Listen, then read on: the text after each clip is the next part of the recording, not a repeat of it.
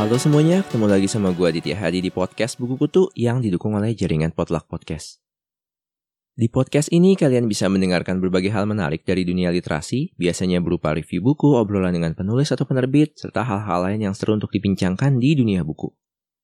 Kalau kalian gak mau ketinggalan cerita-cerita terbaru dari dunia buku, langsung aja follow akun Instagram gue di @podcastbukukutu dan akun Twitter gue di @podcastbuku. Di episode ini gue mau membahas sebuah buku yang berjudul Sengkarut. Buku ini berisi kumpulan cerita pendek karya sastrawan-sastrawan terkenal asal Jepang yang diterjemahkan dan diterbitkan di Indonesia oleh penerbit Mai pada bulan November 2020 yang lalu. Total ada enam buah cerita pendek di dalamnya, yaitu dua cerpen karya Edogawa Ranpo, dua cerpen Kaji Motojiro, dan masing-masing satu cerpen dari Ogawa Mimei dan Natsume Soseki.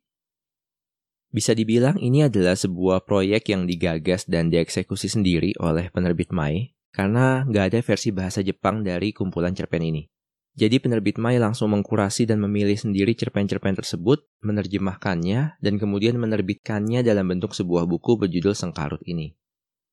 Thank you banget penerbit Mai yang sudah mendukung pembuatan episode ini.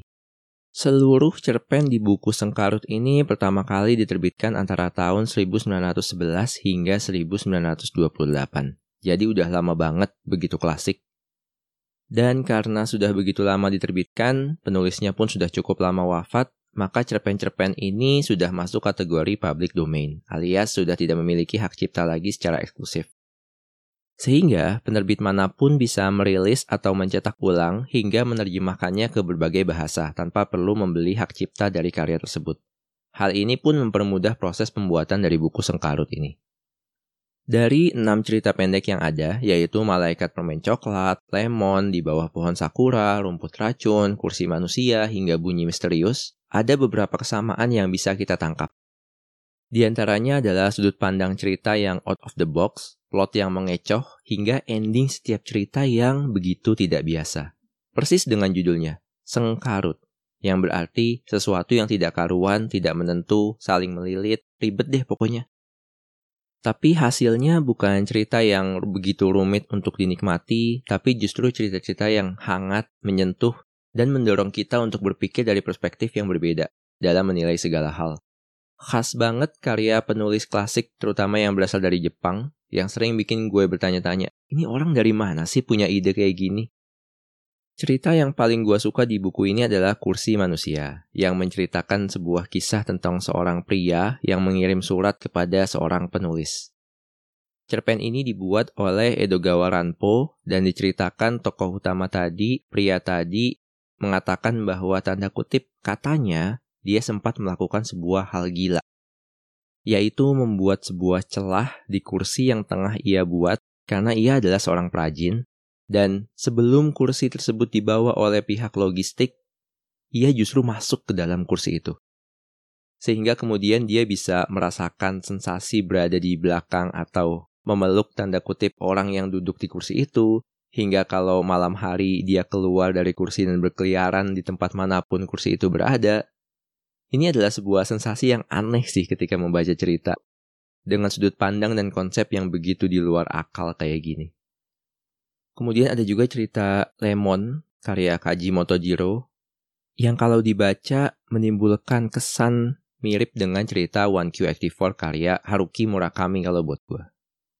Gue udah pernah review One Q84 karya Haruki Murakami dan bilang setelah gue baca itu gue jadi mempertanyakan apakah bulan itu ada dua ya? Dan sama, setelah membaca buku lemon ini, gue jadi mempertanyakan, apakah gue harus meletakkan buah lemon di atas setiap tumpukan benda untuk membuatnya jadi sempurna? Dan banyak lagi pengalaman-pengalaman menarik yang bisa kalian nikmati saat membaca buku ini. Kalau kalian tertarik, langsung aja beli bukunya di toko buku terdekat, atau kalau yang ingin paket diskon, bisa lihat infonya di Instagram gue di @podcastbukutu. Gue akan jelasin lebih rinci review gue untuk buku Sengkarut ini di segmen kedua. Tapi sebelum lanjut, jangan lupa untuk dukung podcast gue dengan cara tekan tombol follow di Spotify. Atau bagi yang berkenan untuk memberikan dukungan secara finansial, bisa langsung aja buka karyakarsa.com garis miring podcast buku. Sekarang kita lanjut ke segmen kedua.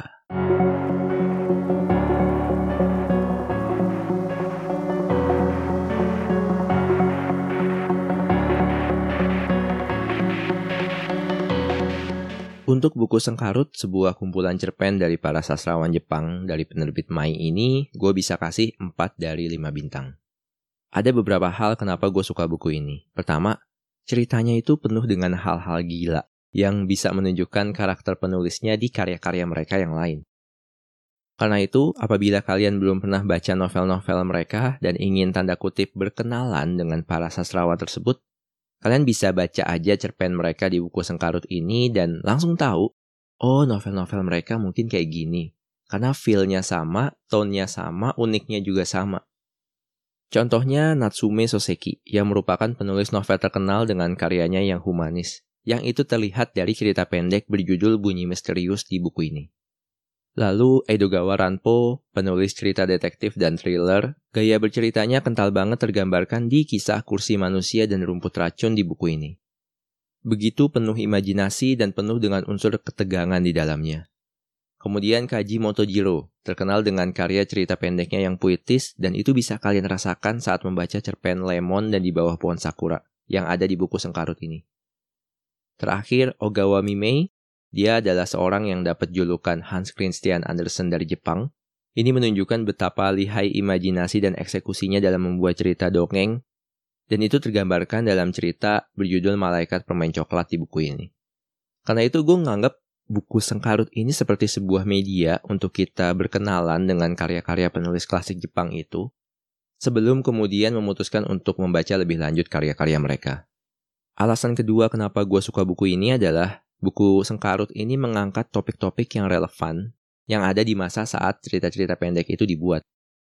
Waktu gua riset-riset dikit, tahun 1910 sampai 1930-an itu adalah masa kekaisaran Taisho di Jepang.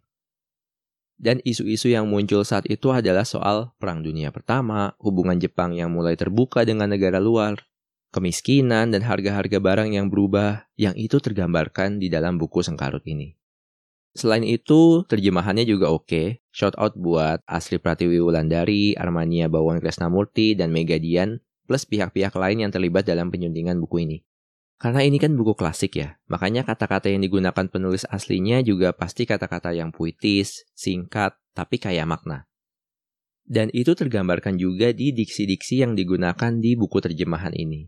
Ada kata-kata seperti darah suam, gludak-gluduk, lelucon kibir, dan banyak lagi diksi-diksi menarik lainnya.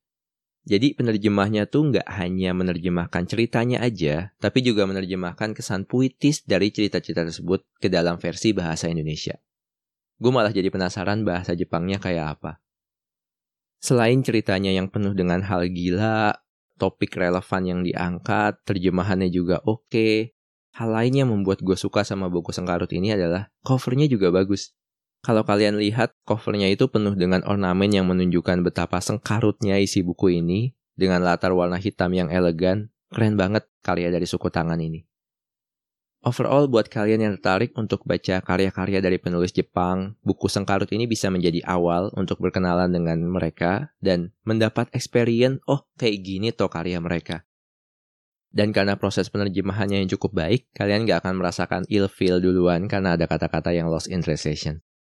Kalau mau beli buku Sengkarut ini, silahkan langsung cari di toko online atau offline favorit kamu atau kunjungi Instagram podcast buku kutu untuk melihat penawaran spesial untuk membeli buku ini. I think that's all. Kalau kalian suka dengan konten podcast ini, jangan lupa klik tombol follow di Spotify atau bagi yang berkenan mendukung secara finansial bisa juga lewat karyakarsa.com garis miring podcast buku. Kalau ada yang punya rekomendasi buku untuk dibahas atau topik yang menarik, gue terbuka banget akan masukan dari kalian. Jadi langsung aja hubungi gue lewat Instagram at podcastbukukutu, Twitter at podcastbuku, atau email ke podcastbukukutu at gmail.com. Jangan lupa juga untuk beri dukungan bagi jaringan Potluck Podcast, caranya follow aja akun Instagram at Potluck Podcast. I think that's all, thank you for listening, see you and ciao!